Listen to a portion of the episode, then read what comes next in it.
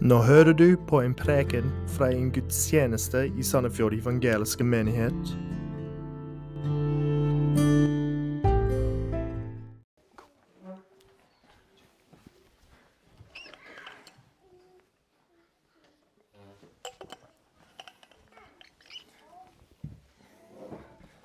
Good morning, church. Grateful to be with you all again. And thank you for your prayers last weekend.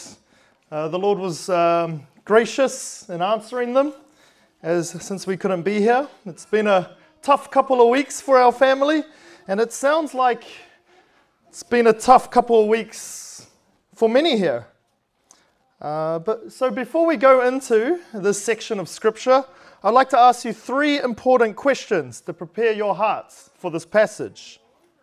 Number one, what kind of suffering have you had this week?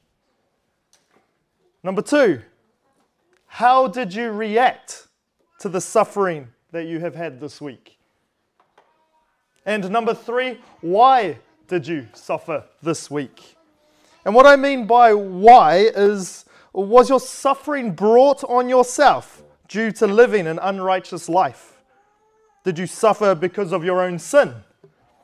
Or your lack of managing your life well? Was it something outside of your control? Were you suffering because people wanted to harm you, either physically or to your character? In this passage today, Peter will bring up suffering, but a specific kind of suffering. So, can you open your Bibles to 1 Peter chapter 3, and we'll read from verse, verses 13 to 17. And I'm going to read from the NASB version. 1 Peter 3, verses 13 to 17 says, Who is there to harm you if you prove zealous for what is good? But even if you should suffer for the sake of righteousness, you are blessed. And do not fear their intimidation, and do not be troubled, but sanctify Christ as Lord in your hearts, always being ready to make a defense to everyone who asks you to give an account for the hope that is in you, yet with gentleness and reverence. And keep a good conscience, so that in the thing in which you are slandered, those who revile your good behavior in Christ will be put to shame. For it is better, if God should will it so, that you suffer for doing what is right, rather than for doing what is wrong. So let's do a quick overview of where we've come so far in uh, 1 Peter. So, right at the beginning, at chapter 1, verse 1, uh, all the way to chapter 2, verses 9, talked about how you, Christian, were called by God and that you are to be holy. So, the first section identified who God is and who you are as a Christian, which would be the foundation for the rest of the letter and the foundation for our faith. And then afterwards, that you are called to be holy and mature chapter 2, verse 11, then begins talking about the relationships that Christians must have in their society. It talks about us being foreigners, strangers, and pilgrims. That we are in the world, but we're not of the world. We used to be of the world, but we no longer are. We are called by God, redeemed by Christ, and now we have the difficult task of evangelizing an unbelieving world while remembering that we're not actually of this world anymore. Chapter 2, then verse 12, says about how our living may lead others to glorify God because they will hear what you say and they'll see that your words line up with how you live. And then, chapter 2, verse 13 onwards, talks about all the important relationships that a Christian has and how, are, and how they are to act within these relationships. You will remember as a citizen, as an employee, as a wife, as a husband. Chapter 3, uh, verse 8 to 12 was the general attitude in which we are to live in the world. You'll remember Pastor Arlen preaching about this last week. So, this has been what has led up to this point. We've talked about, Peter has talked about who God is, he's talked about who you are, Christian, if you are in Christ, and he has talked about how you should act in different areas of your life. And he used the foundation of your salvation as the strength of how you can live that way. Now, Peter is saying this You know who you are, Christian. You know now how you should act. And now you are going to receive some instruction on what you are to do when society comes against you. Now begins the suffering course. If this letter had been a university degree, uh, we would have gone through the first year of our studies at university, be a Christian, and know who you are in Christ. We've also completed the second year of our university studies, which was, well, how are you to live? Now we enter the third year of university, so close to getting our degree. And this year, the focus is on suffering. And this theme will continue throughout the rest of the letter. And so, without the foundational hope of chapter 1, the foundational principles of Christian living in chapter 2 and 3, you strip the power by which a Christian can face suffering boldly and bravely. We've titled this series through verse Peter as Hope i hope in suffering. And without the first two years of university study, you will fail in year three. This section is where suffering is first explicitly mentioned in this letter. And then you'll see the theme of suffering going all the way from now through to the end of the greetings. Have a little look at the very, at, towards the very end of this letter in chapter 5, verse 10. It, it concludes the semester of suffering like this After you have suffered for a little while, the God of all grace, who called you to his eternal glory in Christ, will himself perfect, confirm, strengthen, and establish you. To him be dominion forever and ever. Amen. So, let's begin year three, if you would, and let us begin our studies in suffering. You can split 1 Peter 3 13 to 17 into three sections, three semesters, if you would, in one. Uh, and so, here, uh, the first section is a clear perspective, and that's from first, verse 13 to 14. The second section is a godly response. That's verses 15 and to 16. And finally, a concluding encouragement in verse 17. So let's begin with uh, the first section, which is a clear perspective. And that's verses 13 to 14. So verse 13 begins like this Who is there to harm you if you prove zealous for what is good? So, this is a rhetorical question, meaning that the answer is clear. The answer generally is nobody or very little.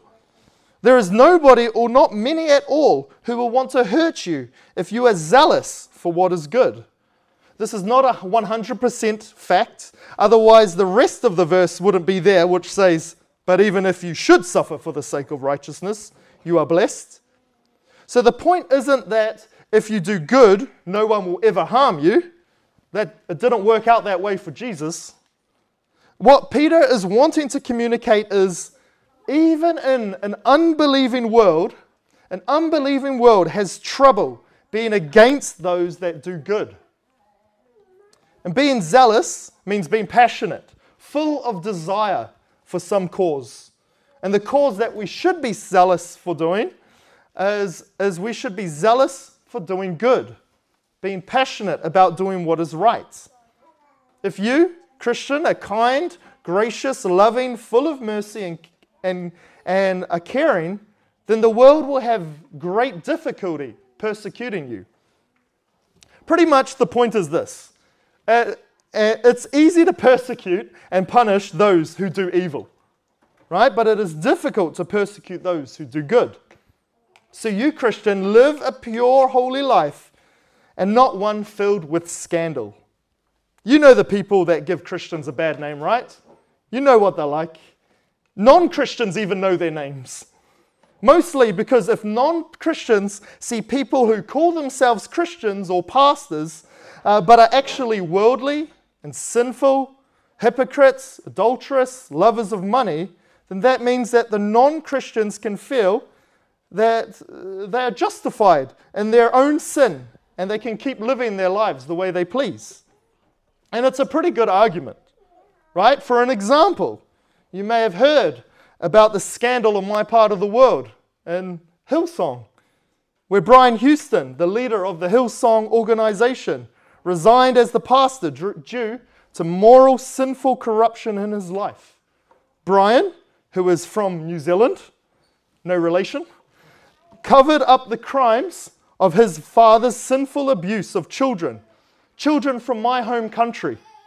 He then continued with substance abuse and adulterous behavior. And so the stories went out.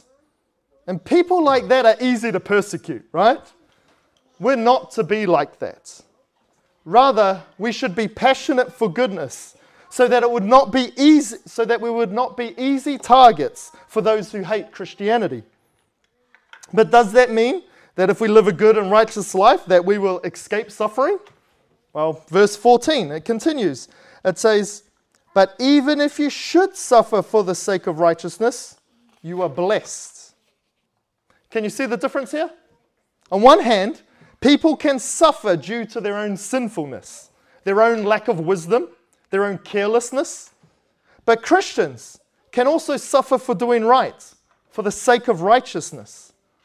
Peter is saying to these believers who are likely getting heavily persecuted by those around them, or at the very least about to endure bu- brutal persecution, torture, and suffering due to being a Christian, Peter is saying to them, if your suffering is due to your righteous life, you have nothing to be ashamed of. You who are insulted, beaten, and even killed for standing up for righteousness, you are blessed. Out of all the Beatitudes during the Sermon of the Mount in Matthew chapter 5, there are two that speak of those that are being persecuted. Matthew 5 10 to 11 says this Blessed are those who have been persecuted for the sake of righteousness, for theirs is the kingdom of heaven. Blessed are you when people insult you and persecute you and falsely say all kinds of evil against you because of me. Rejoice and be glad, for your reward in heaven is great. For in the same way they persecuted the prophets who were before you.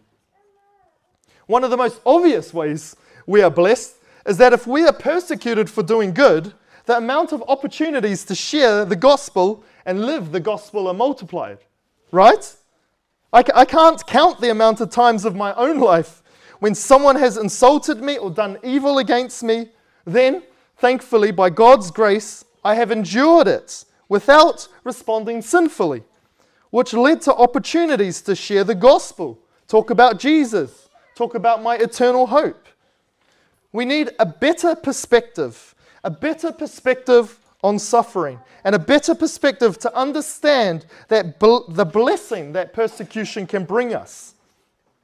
When we understand that we are blessed, when we understand we can be thankful for doing right, we tend to stop fearing, being scared, and we make the most of living for and speaking about the Lord Jesus Christ, which we'll talk about more in the next section. But first, some questions for you. Do you have a passion for goodness? Do you have a willingness to suffer for good? We read earlier in chapter 2, verse 16, that we are to act as free people, not using our freedom as a cover up for evil, but use it as bond slaves of God. So think of your suffering this week. Take a good look at it and check yourself if you are suffering for righteousness' sake or if your suffering is due to undealt with sin. We need a clear perspective when we are being insulted and persecuted in order to know if we can face it with joy because we know that it is a blessing to suffer for righteousness, or if our suffering is the discipline of God because we have sin we need to repent of. So that's the first point a clear perspective on suffering. And in this case, a clear perspective on persecution from the world. The next section um, uh, section 2 is about a Christ focused action, and that's verses 15 to 16. But let's start with the end of verse 14 first, which says this And do not fear their intimidation, and do not be troubled. If you are going to have a Christ focused life, if you're going to live in a way that Christ is the most important thing in your life, then you cannot be distracted. And one of those biggest distractions is fear. Think of a fear that you've had recently. Go on, think of one. Go on. You don't need to call it out, but, but think about that fear. Uh, the word Preikestolen is almost on the verge, that's not a pun, but it's almost on the verge of being banned in my house. Not because of my preaching, well, I, I hope it's not because of my preaching, uh, but because of that giant rock in the west coast of Norway. My precious wife likes to mention to my dear boys, vet du hva? En dag vil Preikestolen falle ned. Fear. Fear controls us. Have you ever taken someone who has a fear of heights to somewhere high? What do they do? In New Zealand, we have a, what's called the Sky Tower. Uh, it's over 300 meters high in Auckland, and you take an extremely long elevator up. Thankfully, there's no stairs. And there is a glass floor that you can step on. What happens when you take people who are scared of heights up there, stand on that glass? They freeze, right? Fear dominates, fear controls. And we know this, right? Whatever you're scared about most, that's what you're going to talk about. That's what you're going to think about. And that's going to influence your decisions. Your perspective will be changed and your actions will be affected. Abner says it like this What Peter is trying to remind us is that we should not be fearing what the world is afraid of, what the world is paranoid about. If that is what controls you, if that is what drives you, if that is what you talk about, then you are no longer Christ centered. You are just the same as the world. In fact, you undermine Christ because what you have conveyed is that Christ is not sufficient to deal with the fears of this world. We are to be Christ focused. Do not fear what the world fears. In verse, the end of verse 14, it does say, and do not fear their intimidation, and do not be troubled. If you are following in the NASB version, you'll see that this is part of verse this part of verse 14 is all in capital letters. And this tells us that it's a direct quote from the Old Testament. It is quoting Isaiah chapter 8, verse 12, which says this You are not to say it is a conspiracy in regard to all that this people call a conspiracy, and you are not to fear what they fear or be in dread of it. I know what you're thinking. Wow, there were conspiracies in Isaiah's time? Crazy, right? Uh, there's been conspiracies all the time. But what Isaiah is saying to them, and what Peter is trying to say here, is yes, there might very well be conspiracies going on, but that cannot consume you. That cannot shake you from your commitment to Christ. And if it does that, then, then you have a problem. We need to be careful not to focus all our time and energy on the conspiracies of the world, to fixate on these things, and in do, doing so, be fearful and lose focus on Christ. Is it good to expose corruption? Sure. But not at the cost of forgetting that the Lord is in control. We should be focused on Him. We do not fear what the world fears, and we are not overwhelmed by the conspiracies of the world. Focus on Christ. And as verse 15 says, uh, and, and we need to do as verse 15 says, Right? So, verse 14, it says, Do not fear their intimidation and do not be troubled, but instead we need to do what verse 15 says. It says this, but instead, but sanctify Christ as Lord in your hearts. That's the contrast. Do not fear intimidation, do not be troubled. Instead, sanctify Christ as Lord in your hearts. But wait a minute. Sanctify means make holy or set apart, right? But Christ is already holy. We cannot make him holy. That's blasphemous. So, so what is it saying? Well, let's read it again. The beginning of verse 15 says, But sanctify Christ as Lord in your hearts. Christ needs to be set apart in your hearts. He needs to be far above every other thing in your hearts. He needs to be loved, valued, prized, treasured more than anything this world has to offer. If we are to have one focus, it should be on setting Christ apart from everything else we think is precious. And verse 15 says, Because he is your Lord, he commands your life and he guides you.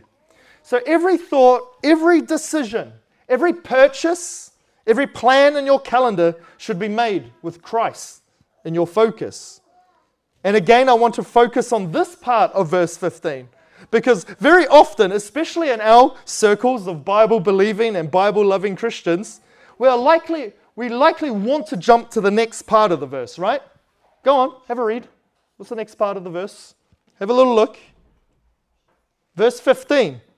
The next part of the verse is very well known. It says, Always being ready to make a defense to everyone who asks you. And yet, why does evangelism fail?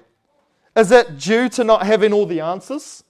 Is it due to not studying enough apologetics? Not having all the correct arguments ready to throw in the face of your colleagues or classmates or neighbors or friends or, fa- or family? Nope. I think evangelism often fails in the first half of verse 15 and not necessarily the second half. The real question should not be if we have all the answers of all the questions that we could be asked. The real question we should be asking is how focused on Christ are you in your everyday life? Once that is answered, then we understand that if we, our focus is on Christ, then we need to be ready to speak. So, the second part of verse 15, it says, Always being ready to make a defense to everyone who asks you to give an account for the hope that is in you, yet with gentleness and reverence. There is an account that you need to give, that is, with words. And there is a way you need to give it, and that is with gentleness and reverence. And there is a timing on when you are to be ready. What's the timing? Always. Always. And if we're honest with ourselves, it is not like we don't have enough opportunities to tell people the gospel and why we are Christians. There are a lot of opportunities we have. Often it is because we're not ready for the conversation or we fear the conversation. Like, picture yourself, I guess. You are in work mode or neighbor mode or shopping mode, not thinking or pondering on Christ, and then boom, Someone asks you, Oh, what did you do in the weekend? Oh, then you have this split second in your mind where you think, Ah, do I say I was at church? Or do I just say all the other things in my weekend apart from that? There are plenty of opportunities. We're often not ready. And because we're not often focused on Christ. And if we were, we would be looking for opportunities to talk about the hope we have in us. So we need to be ready always. Well, ready to do what? Verse 15 says, always being ready to make a defense to everyone who asks you to give an account for the hope that is in you. The word defense or answer, uh, this word is the Greek w- word for apologia, which we get the word apologetics. Uh, I might be way off with my audience here, uh, so but, but so I won't ask you to raise your hand, uh, but you've likely seen uh, what's been named the trial of the century on some sort of media or newspaper about the famous actors Johnny Depp and Amber Heard. I'll confess, I've been following some of the case, seeing those giving testimonies, getting absolutely grilled by lawyers with leading questions. It has been brutal to watch and heartbreaking in many ways but very informative in showing what the legal system is like, at least in the US. And the trial is likely to take six weeks. Six weeks! And they are long days, eight hour days to try and defend one's position. And I believe they're up to day 11 now. So they've had 11 eight hour days to make a case for one's innocence. So maybe when you think of the word apologia, apologia, about making a defending case. You, you, you, maybe you think that you need to be prepared for a 240 hour court case um, that's going to be shown to the world if you are to talk about Christ. with someone who's an unbeliever.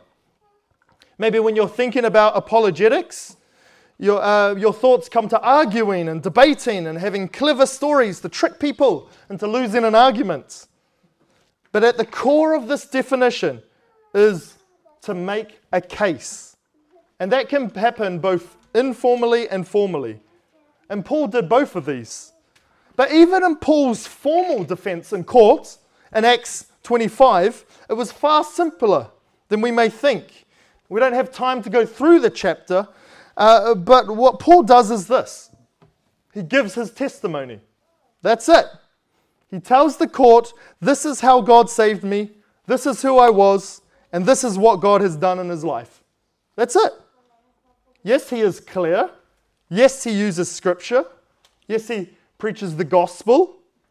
But listen carefully Paul converts no one in that courtroom. Interesting, right? Because it is the Lord that saves, not man. It is God who changes the hearts. But we are called to present the truth. And Paul gave them the truth, and he gave them the amount of truth they needed to hear in order to be saved. He told them the gospel. And that is what Peter is saying to us in these verses. So when you think of evangelism, uh, here is a definition for you from Mack Stiles. Uh, he says, Evangelism is teaching the gospel with the aim to persuade. So, evangelism is teaching or heralding or preaching or proclaiming the gospel, which is the message of God that leads us to salvation, with the aim, with the hope or the desire to persuade them to convince them. And persuade to do what? Well, we want to persuade them to repent and believe. So then, how do we fail at evangelism? We fail in our evangelism not if those we speak to reject our teaching. It is a failure when we do not tell them the gospel at all. We fail to apologia. We fail if we don't make a case. If we don't turn, um, if we don't even turn up to present our story and the Bible's truths. We cannot decide if their response is repentance and belief. It's not up to us. Evangelism is not going out and trying to con- and, and converting, it's going out and telling them the gospel. And so 1 Peter 3:15 says always being ready to make a defense to everyone who asks you to give an account for the hope that is in you. So this is not about a debate. It says, Who asks you? You are to give them the truth. And, and when they ask questions, and if you don't know the answer, you go and you find the answer and you come back and you give them Christ. You give them Christ. You um, grow in your knowledge of the Bible and you give them the truth. And how? Well, in what way are we to do this? Verse 15, at the end of verse 15 and, the, and verse 16, it says, Yet with gentleness and reverence, and keep a good conscience, so that in the thing in which you are slandered, those who revile your good behavior in Christ will be put to shame. So in verse 13, it says gentleness. This word means to not consider oneself as important. We're not showing off about all that we know, but it's about helping, persuading others to know the truth. And verse 15 says, with reverence and fear. And that's with the fear of God. Those you talk to about Jesus need to know you fear God. And you do not fear what the world fears. You do not fear talking about Jesus. You do not fear what they think of you. You care what God thinks. And you be gentle, but you fear the Lord. In verse 16, it says, with a pure conscience or a good conscience. And so, what does your conscience do? What's its job? It's given to you by God either to accuse you or excuse you. It is placed in you by God for either affirmation or conviction. And the conscience either tells you things are going well or uh, things are not going so well. And you probably felt what a conscience does, right? You think of something that was wrong, maybe something that you did, and you think about it, and you have a choice either to listen to it and do right or ignore it and sin. And a good conscience does not mean ignoring it, having a good conscience. You don't ignore it, but it, but it means you can sleep at night because you have lived the way that the Lord has asked you. And If you haven't, you've done all that you can to live peacefully with others. And so, this is how you know if you've been successful in your evangelism, in your defense um, of sharing the gospel with others. First, you gave them the truth, you gave them the gospel. You did so with gentleness. You do so fearing God, not people. Your conscience is clean. Then you have won. Right? You have a clear conscience because you have honored Christ. Then you have done well. And you leave the results up to God. And so, why keep a good conscience? Verse 16 says, And keep a good conscience, so that in the thing in which you are slandered, those who revile your good behavior in Christ will be put to shame. So, the end result, which is out of your hands, is that they would repent and be saved, or they will one day be put to shame. Don't be afraid. If they slander you and insult you, you can sleep well because you have been obedient to Christ and you, and you have been blessed when you are persecuted for righteousness' sake. So that was the second section. And then the last, the third section of, of this is a concluding encouragement. And that's in verse 17. And you'll see here a word of comparison and a word of instruction. Verse 17, a final verse, says, For it is better if God should will it so that you suffer for doing what is right rather than doing what is wrong. If you suffer for doing good, you know then that it is God's will and you will be blessed. People would be saved or people will be put to shame. You may suffer, but you have nothing to be ashamed of. So, questions for you here. So, how are you doing with this? Do you fear God or do you fear people? Do you have a devotion to Christ? Is He sanctified in your hearts is far greater than anything else? Do you have a readiness to defend the faith? Do you have a pure conscience when you think of the opportunities you have had to share the gospel? Are you ready? Maybe we have some repenting to do today here. And ask the Lord that this very week this very week, he would, he, would, they, he would give you braveness, he'll give you opportunities to tell someone the gospel who doesn't believe in Christ. Ask him, ask him to be brave. Just recently, I had two conversations with two different non Christians. One I was not ready for. And so a great opportunity came up, and I was able to talk a little bit about being a Christian, but I didn't tell him the gospel. Um, and I didn't tell it to someone who, at that stage, absolutely needed it. Of all, all stages, we needed it, but I could tell this person really needs some hope. And I did not give it to him. So I drove home upset, and I asked the Lord for repentance, and I asked the Lord that I would be ready next time. And later that week, with someone else, I was ready. The question came up What are you up to this weekend? Well, it's so Sunday. So you can't drop the ball now, right? What a hypocrite. So I, so I asked the Lord, okay, Lord, don't let me drop the ball. And so I told them. I told them I was speaking at church. I didn't use the word preaching. No, because no one knows what that means, or at least not a good connotation, not a good association with the word preaching. So, and this led to a massive conversation where I was able to go through the gospel clearly and I, we talked about the differences between what I believe and those at the Lutheran churches.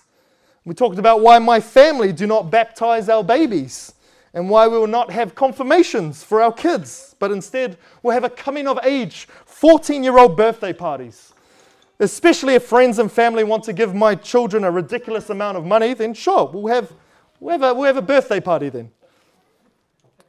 So I got to speak about what our church stood for, and it was fantastic. And I went home and I was thankful to the Lord and I was grateful. Uh, but this is a new week. And we all need grace to live good, righteous, and holy lives. And to do that, we do what we must. And to do that, we must have Christ in our hearts, and He must be the most glorious thing we could ever think of. We must think of Him and, we, and be ready and we are to suffer. And if we are to suffer, Let it be because we are passionate for doing good, not because we are doing evil. And so I want to end with a story from church history, which that I think summarize, summarizes greatly what it is to do good and to preach the gospel while being persecuted by an unbelieving world. On September the 20th, 1856, twin sons were born to Mr. and Mrs. Spurgeon in their home at New Kent Road, and the joy of the husband and the wife knew no bounds. The boys were named Charles, Charles Jr., I guess, and Thomas Spurgeon. And a, little fun fact that I'm just going to throw in that Thomas Spurgeon, who was Charles Spurgeon's son, he ended up taking a pastorate, uh, being a pastor in Auckland, New Zealand. And the build, building quickly overflowed, and so they built the Auckland Tabernacle Baptist Church, uh, where there is a church you can still meet with today. And this may contribute to a special place the Spurgeon family has in my heart, at least. And I'll let you guess which one of my boys' um, middle names is named after him. But uh, back to the story. Twin Spurgeon boys were born, right? And named Charles and Thomas. Exactly a month after the birth of the boys, their father, the young pastor Charles Spurgeon, was to preach for the first time in the Surrey Gardens Music Hall, where thousands were together. And if you know the story, then you know what happens next. Someone screamed, Fire!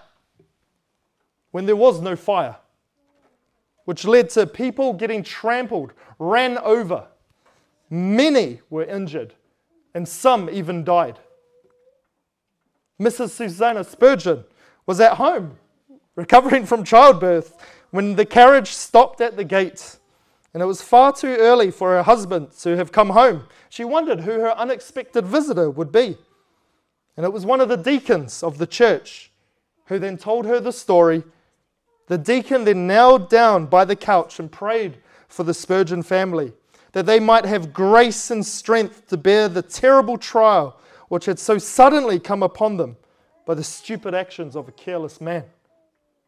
Mrs. Spurgeon then writes about this, and she says, Oh, but how thankful I was when the deacon went away, because I wanted to be alone that I might cry to God in this hour of darkness and death.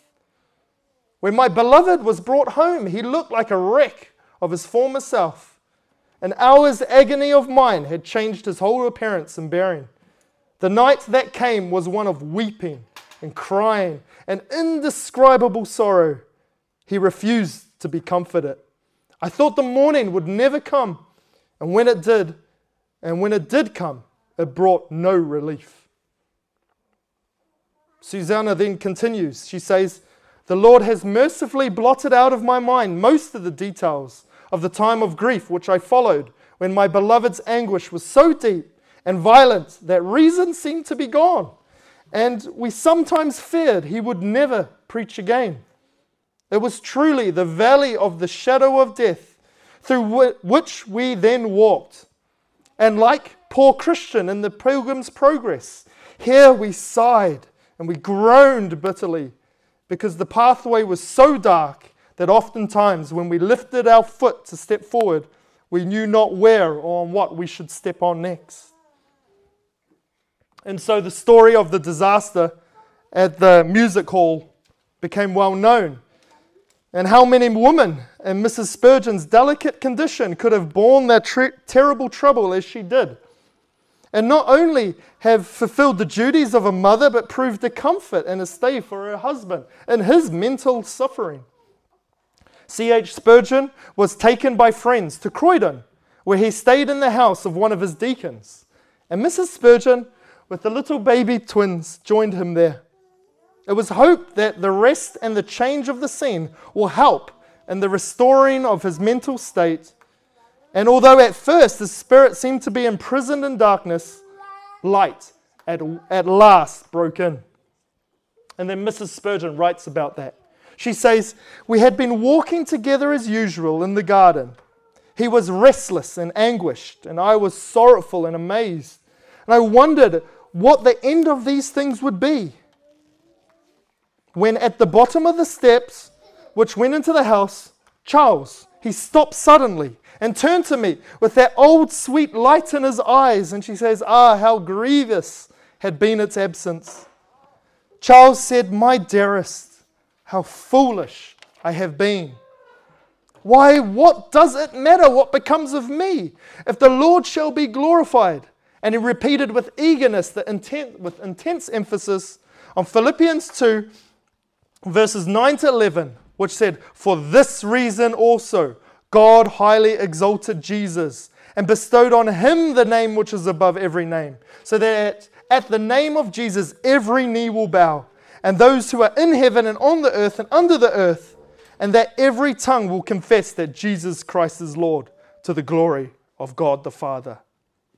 If Christ be exalted, Spurgeon then said, and his face glowed with holy fever, let him do as he pleases with me.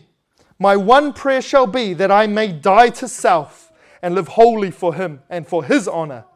Oh, wifey, he said, I see it all now. Praise the Lord with me.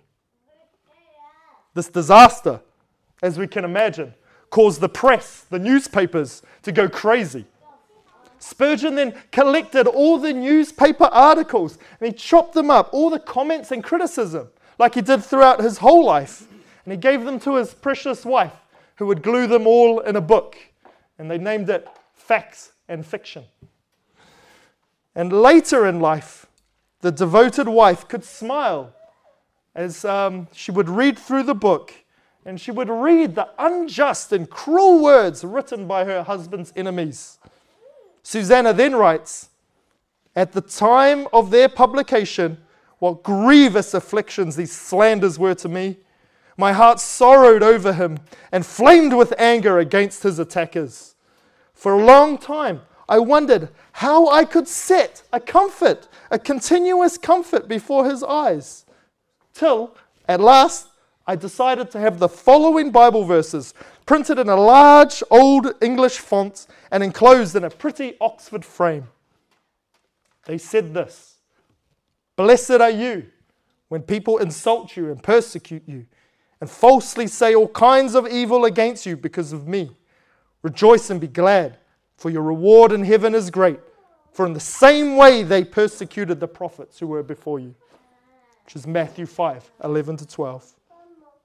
Susanna then says the text was hung up in our own room and was read over by the dear preacher every morning, fulfilling its purpose most blessedly, for it strengthened his heart and enabled him to put on the invisible armor where he could calmly walk among men, not concerned by their slander and concerned only for their best and highest interests. For it is better, if God should will it so, which He might, that you suffer for good, doing what is right, rather than doing what is wrong. I too have something on my wall in my office that gives me comfort, that helps me to remember this. It's two stanzas of a hymn. And it's not printed in large old English font or in a pretty Oxford frame. But it's written in my wife's handwriting, which to me is far greater. And it says this Our rest is in heaven. Our rest is not here. Then why should we tremble when trials are near? Be hushed, our sad spirits. The worst that can come, but shortens the journey and hastens us home.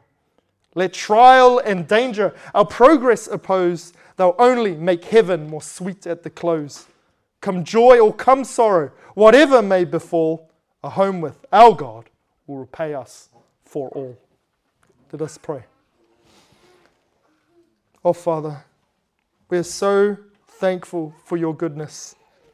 Help us, Lord, to have a focus on Christ, a focus on the gospel, that we would not fear man, that if we are to suffer, suffer because of persecution, that we would be suffering for doing good and not because of our own sinful actions.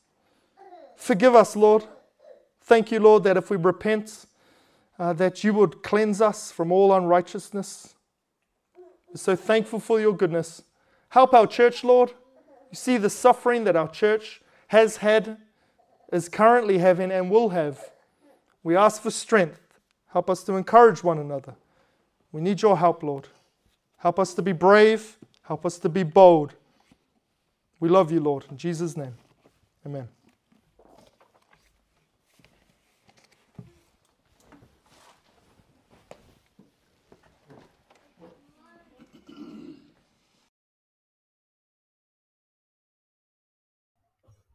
Takk for at du hørte på denne prekenen. Ønsker du mer informasjon, besøk sandefjordevangeliske.no eller vår Facebook-side Sandefjord Evangeliske Menighet.